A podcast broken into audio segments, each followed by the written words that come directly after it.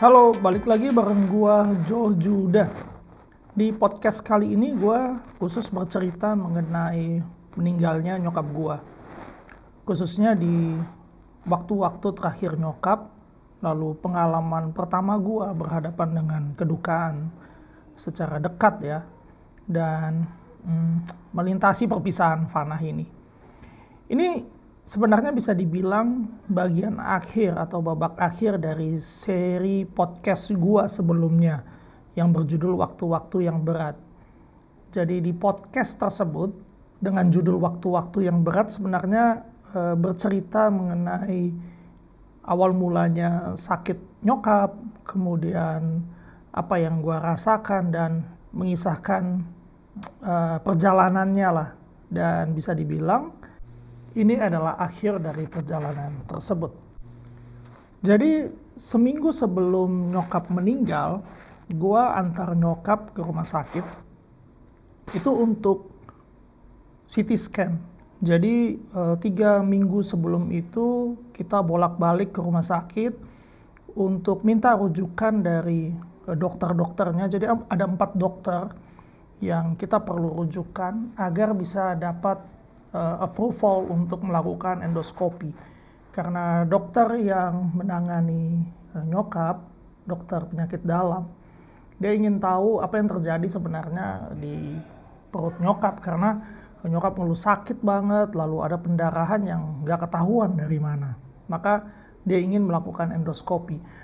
Namun hasil dari rujukan tersebut, baik dokter sarafnya, baik dokter parunya, dokter psikiaternya, itu nggak memberikan uh, approval lah kurang lebih. Sehingga uh, endoskopi nggak bisa dilakukan, maka uh, dokter dokter penyakit dalam uh, memutuskan untuk melakukan CT scan dengan toraks. Nah, uh, waktu gua bawa itu hari Jumat. Gue masih ingat Jumat pagi jam 7 gue bawa itu memang beberapa hari sebelum itu nyokap itu yang nggak tidur sama sekali. Dan 24 jam sebelum dibawa nyokap itu nggak masuk makanan. Toh eh, kita tetap bawa karena kita pikir untuk melakukan CT scan dengan toraks ini tetap perlu puasa juga. Jadi kita bawa. Cuma memang kondisi nyokap saat dibawa untuk CT scan itu udah nggak respon tapi kita ngejar lah agar agar bisa melakukan CT scan karena ini udah berminggu-minggu dan kita belum tahu kondisi apa sebenarnya yang terjadi di perut mama. Namun ketika gua antar ke rumah sakit yang harusnya untuk tujuan CT scan tersebut, eh, mama masuk IGD. Dari IGD tersebut ternyata dirujuk untuk masuk HCU. Jadi eh, sambil menunggu kamar gue sempat balik lagi ke kantor karena ada uh, weekly meeting. Selesai weekly meeting gue langsung balik lagi ke rumah sakit sore. Dan itu memang nyokap belum dapat ruang HCU ruang HCU masuk yang intensif. Karena untuk masuk ke ruang HCU itu kan perlu pemeriksaan hasil PCR ya. Di swab dulu jadi dimasukkan dulu di ruang intensif HCU kalau hasilnya negatif baru masuk ke HCU yang di lantai 4. Jadi sambil menunggu itu baru malam. Jadi gua ke rumah sakit baru jam jam berapa? Jam 11 sekali apa jam 12 baru dapat uh, ruangan di HCU. Nah, begitu masuk di HCU memang kita udah nggak bisa bikin apa-apa lagi karena uh, tidak bisa ditunggui, kita juga tidak bisa kunjungi. Lalu uh, memang ya memang nggak bisa berbuat apa-apa lagi. Jadi gue putuskan gue dan adik gue yang antar waktu itu gue dan adik gue yang cewek yang dokter untuk balik lagi untuk pulang. Nah di masa-masa tersebut biasanya ada suster yang ikut menunggu di rumah sakit. Cuma susternya mama waktu habis mengantarkan hari Jumat itu mengantarkan mama ke, ke IGD ke rumah sakit, dia harus uh, berangkat. Dia izin lah kurang lebih karena iparnya meninggal. Jadi dia nggak bisa ada di sana. Dan masa transisi tersebut kita sambil menunggu uh, suster yang baru datang. Nah singkat cerita seminggu kemudian hmm, suster yang baru ada dan uh, malam-malam saya masih ingat gue di telepon. Adik gue lah yang dokter di telepon disuruh datang ke rumah sakit. Nah, gue sempat nanya tuh karena itu malam di telepon ya dan adik gue bilang ini sih biasanya ditelepon untuk minta keluarga pasien tanda tangan dokumen dan segala macam untuk pindahkan mama dari uh, eh, HCU ke ruang biasa. Dan benar mama keluarlah itu pas di uh, seminggu, proses seminggu, hari Jumat. Lalu uh, kondisi mama sebenarnya, sebenarnya stabil dan itu sempat dua malam di ruang rawat biasa. Sampailah di tanggal 18 Desember 2021. Di malam itu kebetulan uh, Jona, anak gua tidur lebih awal lalu gue sama istri gue itu lagi uh, ngepack hampers hampers buat Natal rencananya keesokan harinya itu tanggal 19 hari Minggu uh, habis unjungin mama ke rumah sakit gue mau antar hampers tersebut. Jadi kita lagi uh, siap-siapin hampers. Lalu jam setengah 11 apa jam 11 adik gue telepon. Pihak rumah sakit telepon suruh minta keluarga pasien untuk datang. Nah, di situ eh, kita semua udah saling diam-diaman, lalu ya udah, uh, dek, gua jemput dia di towernya dia, lalu habis itu kita berangkat uh, ke rumah sakit. Di dalam diam tuh gua ngebut uh, ke rumah sakit, terus gua nanya ke adik gua ini hal buruk apa nih yang bisa terjadi kalau ditelepon malam-malam begini. Nah, di situ adik gua bilang, kemungkinan sih kondisi mama ini uh, kurang baik sehingga dokter minta keluarga untuk tanda tangan dokumen uh, agar papa bisa masuk lagi ke HCU. Nah, gue datang sampai terus gue masuk lah kamar nyokap. Di situ memang udah ada suster kami juga yang menunggui mama karena memang kan yang menunggu itu hanya bisa satu orang ya dan nggak bisa ganti-gantian jadi satu orang itu yang udah di eh, PCR udah di antigen terus habis itu dia nggak boleh diganti-ganti lagi hanya dia doang yang boleh nungguin nah begitu gua masuk ke dalam lihat kondisi nyokap. Nyokap itu udah sesak nafas lalu sudah terpasang selang oksigen. Lalu dokter jaganya uh, ngobrol sama adik gua yang dokter terus dikasih lihat hasil uh, CT scan dari paru. Jadi kondisi nyokap itu sebelah paru sebelah kanannya itu udah putih semua dan uh, dia hanya hanya bernafas dengan satu paru. Nah ini padahal itu baru aja adik gue tinggalin nyokap. Itu mungkin jam 10 malam sejam satu jam setengah lah. Adik gua ninggalin tuh nyokap itu dalam kondisi tenang dalam kondisi yang stabil banget. Lalu tiba-tiba kondisinya memburuk seperti ini kita kita juga bingung. Lalu uh, itu bahkan saturasi oksigennya mama itu sempat di 85 persen sebelum dipasang oksigen begitu masuk selang oksigen memang saturasinya di 98 cuma itu karena saturasi oksigen sebenarnya dan suaranya mama yang eh, dan dan nafasnya mama yang yang sesak itu udah bercampur dengan air ada suara air gitu. Wah di situ di situ uh, gua gua gua nggak tahu mesti mesti seperti apa gitu. Ketika gua lihat nyokap gua gua gua panggil nyokap uh, di situ gua ngelihat bahwa nyokap udah nggak nggak respon lagi. Dalam arti dia ngelihat uh, di tengah dia sesak nafas dia masih ingin mencoba ngomong sesuatu. Mungkin juga panik ya nggak tahu ya. Tapi itu yang membuat akhirnya semakin susah untuk bernafas. eh, lalu gue ngelihat tatapan nyokap yang kosong dan gue ngelihat antara mata kiri dan mata kanan nyokap itu udah nggak nggak simetris. Maksudnya udah udah berbeda di situ gue pikir gue di di otak gue itu muncul this is the time nih Joe this is the time. Akhirnya gue putuskan gue telepon adik-adik gue ada ada Daniel ada Andrew Andrew nggak angkat karena memang dia lagi demam juga lagi sakit ya saat itu. Gue telepon Daniel. Uh, kemudian Daniel ngangkat gimana? Mama mau masuk uh, eh, HCU terus lu bisa ke sini nggak? Karena memang dari pengalaman sebelumnya kalau udah masuk HCU ya nggak bisa bikin apa-apa lagi. Terus saya bilang kalau mama mau masuk HCU ngapain gua ke sana? Gitu loh. Nanti sampai sana juga nggak bisa ngapa-ngapain nggak bisa lihat nggak bisa datang nggak bisa masuk jenguk juga gitu loh. Karena memang nggak bisa uh, pasien tuh eh sorry keluarga pasien tuh sama sekali nggak bisa dat lihat. Coba gue yang langsung bilang dek justru lu ke sini itu sebelum mama masuk HCU karena mungkin mungkin itu adalah kali terakhir lo bisa melihat kondisi mama dalam keadaan hidup. Terus akhirnya dia bergegas lah sama Chelsea istrinya bergegas ke ke rumah sakit. Kalau ingat lagi ada ada satu momen di mana itu eh, kan nyokap itu dirawat berbarengan dengan pasien yang sama yang memang sama-sama punya eh, penyakit eh, paru juga, riwayat paru. Lalu geriatri memang pasien sudah tua. Nah, itu ada satu ruangan lah dengan mama.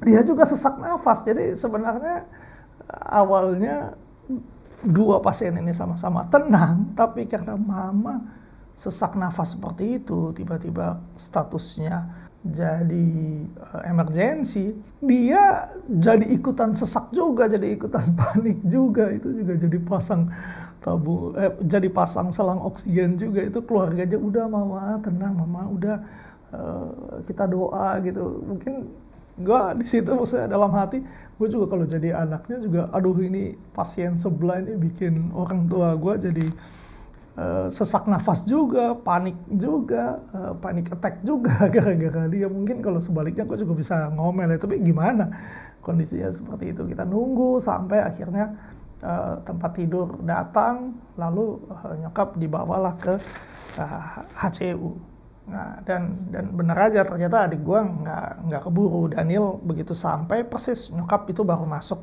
ke HCU. Nah biasanya kalau nyokap udah masuk HCU, ya udah nggak bisa bikin apa-apa lagi. Biasanya kita uh, pulang, beres-beres barang, kita pulang. Lalu biasanya suster yang nunggu di ruang tunggu. Jadi itu memang ruang tunggu bersama. Coba saat itu adik gua yang cewek bilang, kak kita nunggu ya sejam dua jam lagi. Oke, gue bilang gitu, kita nunggu itu jam 12 masuknya. Pas jam 2, jam 2 lewat dikit lah, intercom bunyi. Keluarga Ibu Louis dipanggil oleh dokter jaga. Nah, begitu dimasuk di dalam, dokter jaganya langsung jelaskan kondisi mama. Kondisi mama uh, memburuk, Lalu dia mulai jelaskan prosedural standar. Ini kalau memburu kita akan pasang ventilator dan setelah ventilator kita akan uh, lakukan step-step uh, hingga CPR. Nah di situlah uh, kita sadar nih ini waktu-waktu yang genting, waktu-waktu yang kritis. Jadi keluarga diminta untuk bersiap kurang lebih Eh, demikian yang disampaikan oleh dokter. Akhirnya setelah itu kita keluar, nah di sinilah uh, baru kita putuskan untuk hubungi bokap gua. Bokap gua saat itu posisinya sedang berada di Banjarmasin. Karena memang bokap tuh sempat balik ke Banjarmasin dulu karena melihat kondisi mama yang sudah stabil ya udah jauh lebih baik akhirnya dia putuskan udah deh balik dulu ke Banjarmasin untuk beresin berbagai hal supaya bisa balik lagi ke Jakarta dan uh, apa fokus uh, ke mama. Jadi kondisinya seperti itu. Akhirnya uh, Marisa lah yang telepon, adik gue yang cewek yang telepon bokap. Itu jam 2 di Jakarta, berarti di Banjarmasin itu jam 3 ya. Pas ditelepon kita pikir mungkin papa masih tidur. Ternyata uh, dua kali dering aja bokap langsung angkat oh papa belum tidur? Itu respon pertama kita yang kita angkat enggak tadi papa udah tidur.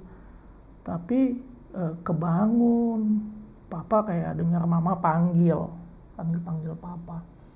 Terus akhirnya di situlah gue ya di situlah adik gue yang cewek eh, kasih tahu kondisinya mama seperti itu eh, bersiap-siap nih besok eh, kemungkinan uh, dimajuin aja uh, dari yang sebelumnya. Bokap itu mau terbang ke Jakarta balik ke Jakarta itu tanggal 23 ya apa 22 dipercepat aja jadi besok hari Minggu itu jam tanggal 19 oh ya udah lalu kita kita berdoa bersama-sama. Lalu udah uh, telepon ditutup. Begitu telepon ditutup di situ gue udah sempat ngomong sebenarnya ini gimana ya kalau mama sampai lewat lah uh, hari ini nah adik gue sempat apaan sih kak lu ngomongin seperti itu maksud gue ngomong itu supaya kita bisa persiapkan hal-hal apa saja yang perlu dilakukan. Tapi gue tahu mungkin itu nggak bijaksana juga gue gua ngomong itu ya karena eh, pada saat itu semua perasaan campur aduk.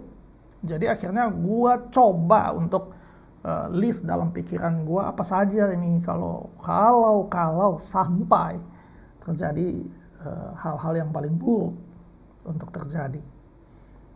Dan dan pas 445 kami dipanggil oleh dokter jaga, lalu dijelaskan kondisinya. Uh, dia udah langsung tutup dengan keluarga diminta untuk berdoa untuk mujizat. Karena saat itu sudah lakukan tindakan CPR atau pijat jantung. Adik gua yang cewek yang mungkin udah lebih paham ya, dia langsung nanya ini udah berapa lama kondisinya dok? Uh, terus dokternya bilang ini udah berjalan 10 menit. Jadi habis ngomong kayak gitu dokternya masuk ke dalam kita telepon papa nih untuk langsung terbang tiket paling pagi. Oh ya adik gua yang Andrew udah datang di jam 3 kita semua udah ada di situ. Lalu eh, Daniel sempat nanya ke gua kenapa kak? Kondisinya kak? Iya uh, nanya ke gue gue itu udah kalut pikiran gue udah aduh udah udah udah nggak udah ya udah kalut lah ya. Dan gue bilang iya mama mama udah di PCR terus otak gue tahu Jo lu salah ngomong. Bukan PCR nih bukan PCR gue tahu gue salah ngomong tapi mulut gue lagi nggak sinkron gitu. Jadi gue bilang iya mama lagi PCR nih mama lagi PCR tapi uh, eh, gue tahu itu hal yang salah. Terus uh, aduh gimana ya? Terus gue bilang iya mama pijet jantung gue bilang gitu kan. Adik gue yang denger itu oh gitu. Terus dia balik badan dia jalan balik ke kursi ruang tunggu. Sedangkan gue sama adik gue yang cewek itu berdiri gitu kan udah duduk congkok gitu di dinding. Adik gue yang cewek itu masih waktu ngelihat adik gue yang paling kecil ngelengkos balik lagi ke kursi hah ini ini anak nggak tahu nih kondisi nyokap nih kayak gimana nih. Kayak dia masih bisa balik ngelengos gitu kan. Gue juga udah nggak mampu ngejelasin apa apa lagi. Uh, dan pas adik gue Daniel balik duduk loh kok kakak kakaknya nggak balik? Tetap berdiri di situ. Terus dia balik lagi cek cek cek cek. Uh, kenapa nih kenapa nih tapi dia diem aja kan dan uh, dan adik gue yang cewek ngejelasin itu 10 menit lakukan CPR artinya mama udah nggak ada nggak ada nadi selama 10 menit. Biasanya akan dilakukan 10 sampai 15 menit lagi. Habis itu uh, dinyatakan meninggal. Dan benar tuh jam 5.06 hmm, kami dipanggil masuk. Waktu jalan dari jauh adik gua yang cewek udah bilang udah kak duluan aja gitu. Dia jalan belakang gua jalan lah paling depan. Gua lihat dokternya dokternya udah pegang kertas. Itu hasil hasil rekam jantungnya kan. Jalan gitu adik gue lihat dokter terus dokter jaganya cuma bisa geleng aja gitu kan. Mau tahu.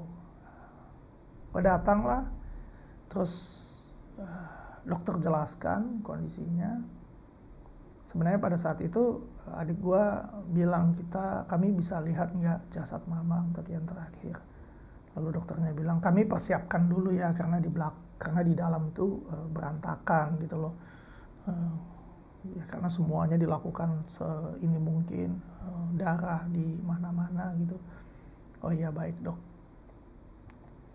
Udah setelah itu uh, masih di tengah-tengah itu lalu dokternya ngomong uh, keluarga bawa kain putih kan Gue bingung. Kain putih buat apa dong? Kain putih kan. uh, terus dokternya natap balik ke gue seolah-olah kayak ya buat tutup jenazah lah gitu loh kan jenazah perlu ditutupin kain putih lalu gue balik lagi dengan tatapan iya gue tahu kain putih itu buat tutupin jenazah tapi masa di rumah sakit ini nggak ada dan dan keluarga pasien mana sih yang bawa pasien ke rumah sakit udah siap-siap bawa kain putih? Nggak ada yang seperti itu. Wah di situ gue kayak ngerasa ya ampun gue pikir gue sudah mempersiapkan gue pikir gue sudah mengantisipasi dengan baik. Ternyata enggak bahkan ada kain putih loh. Ada kain putih. Di mana jam 5 pagi? Gue cari kain putih. Oke dok. Saya siap. Kami cari dulu ya kain putih. Kami beli dulu. Terus dokter bilang hmm, tapi ini nggak bisa lama ya karena jenazah harus uh, kita keluarkan. Dan di sini tidak ada uh, rumah duka tidak ada mobil jenazah. Uh, nanti kita langsung keluarkan kita bawa turun ke basement ya. Wah gue langsung panik loh ke basement. Gue pikir ke parkiran masa jenazah nyokap gue dari lantai empat itu ditaruh di basement sambil nunggu mobil ambulans mobil jenazah. Wah pikiran gue udah panik. Ya udah satu-satu dulu. Gue cari kain putih dulu. Gue keluar. Di situlah bagi tugas. Daniel telepon uh, mertuanya pagi-pagi tuh langsung ke pasar cari kain putih gue telepon papa untuk kabarin hal tersebut, telepon keluarga juga untuk uh, kabarin hal tersebut. Dalam situasi tersebut tiba-tiba satpam security bawa keluar jenazah udah tertutup kain putih. Loh ini ini siapa? Eh, ini ibu nih uh, pak. Ini kita mau bawa ke mana nih? Mau taruh di mana? Wah saya lagi panik. Jangan dulu dong langsung masa langsung dibawa ke basement gitu kan? Jangan dulu dong taruh dulu di sini sini udah ada nggak ruangan pak. Ini ruangannya bukan buat naruh jenazah. Wah panik gua Ternyata singkat cerita kamar jenazah sementaranya itu ada di basement. Jadi di ruang basement itu ada kamar sementara untuk jenazah. Wah, gue udah panik. Dan akhirnya gue telepon lah gereja lah sekretariat yang biasa mengurus ini. Awalnya uh, in iin, coba karena diangkat gue telepon lah Ansela. Terus Ansela awalnya gue telepon nggak diangkat terus Ansela telepon balik gue kasih tahu.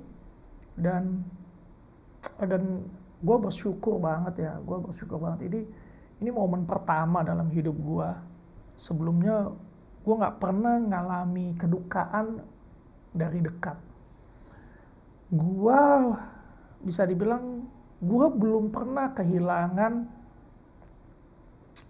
uh, orang yang dekat dengan gue gue belum pernah kehilangan orang tua sebelumnya ya maksudnya adik-adik gue masih lengkap teman-teman atau sahabat baik gue itu masih lengkap semua. Jadi kematian itu nggak benar-benar pernah gue alami uh, dari dekat.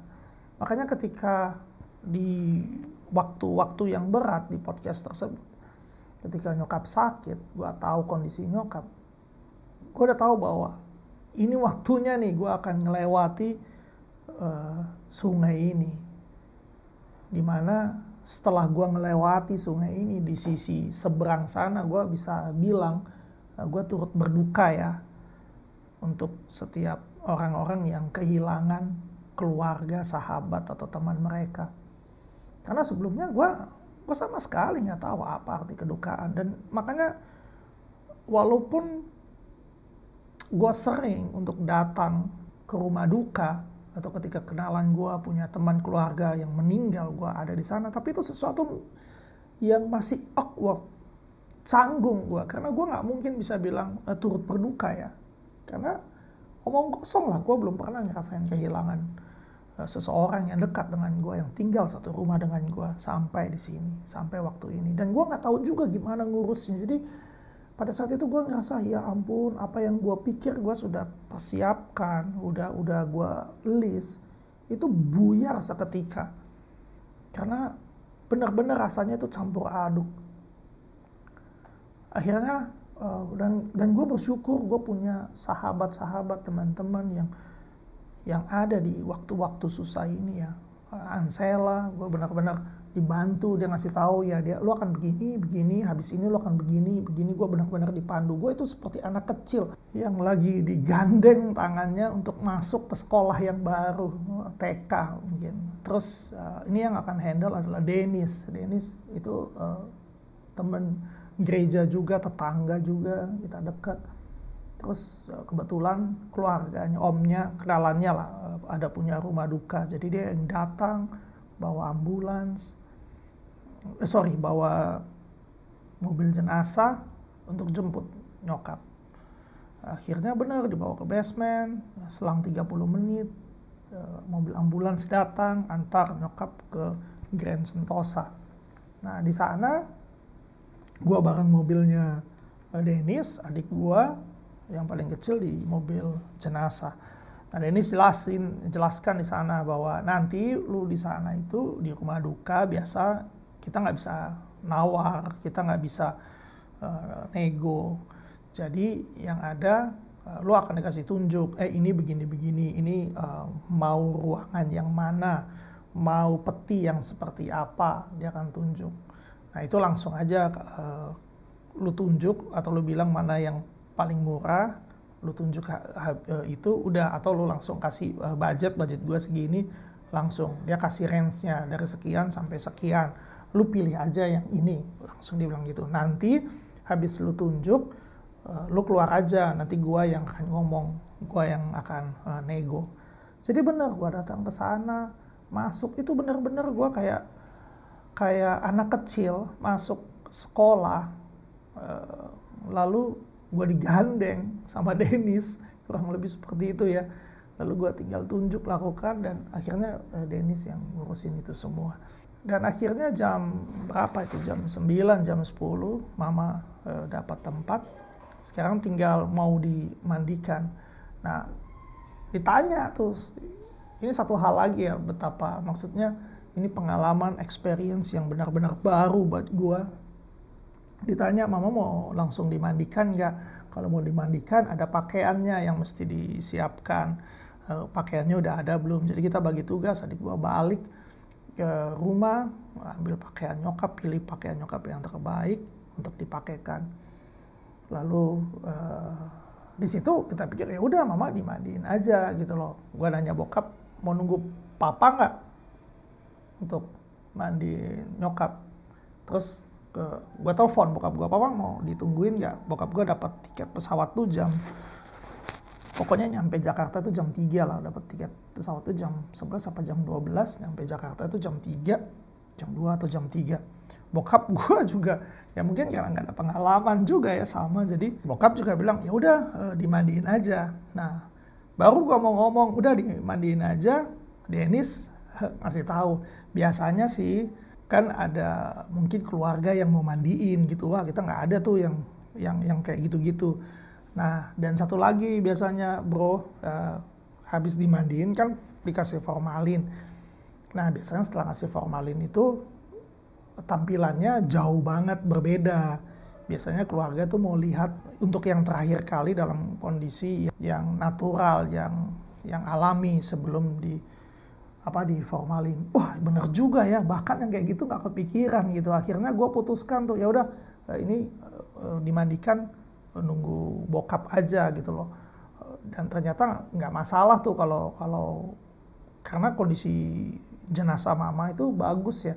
Jadi nggak masalah kalau kalau menunggu sampai siang sore bahkan katanya sampai malam gitu. Cuma kalau ke malam malam udah kelamaan. Terus kalau dia nggak dimandiin kan nggak masuk ke, ke ruangan uh, duka ya. Begitulah kejadian di hari pertama mama meninggal 19 Desember 2021.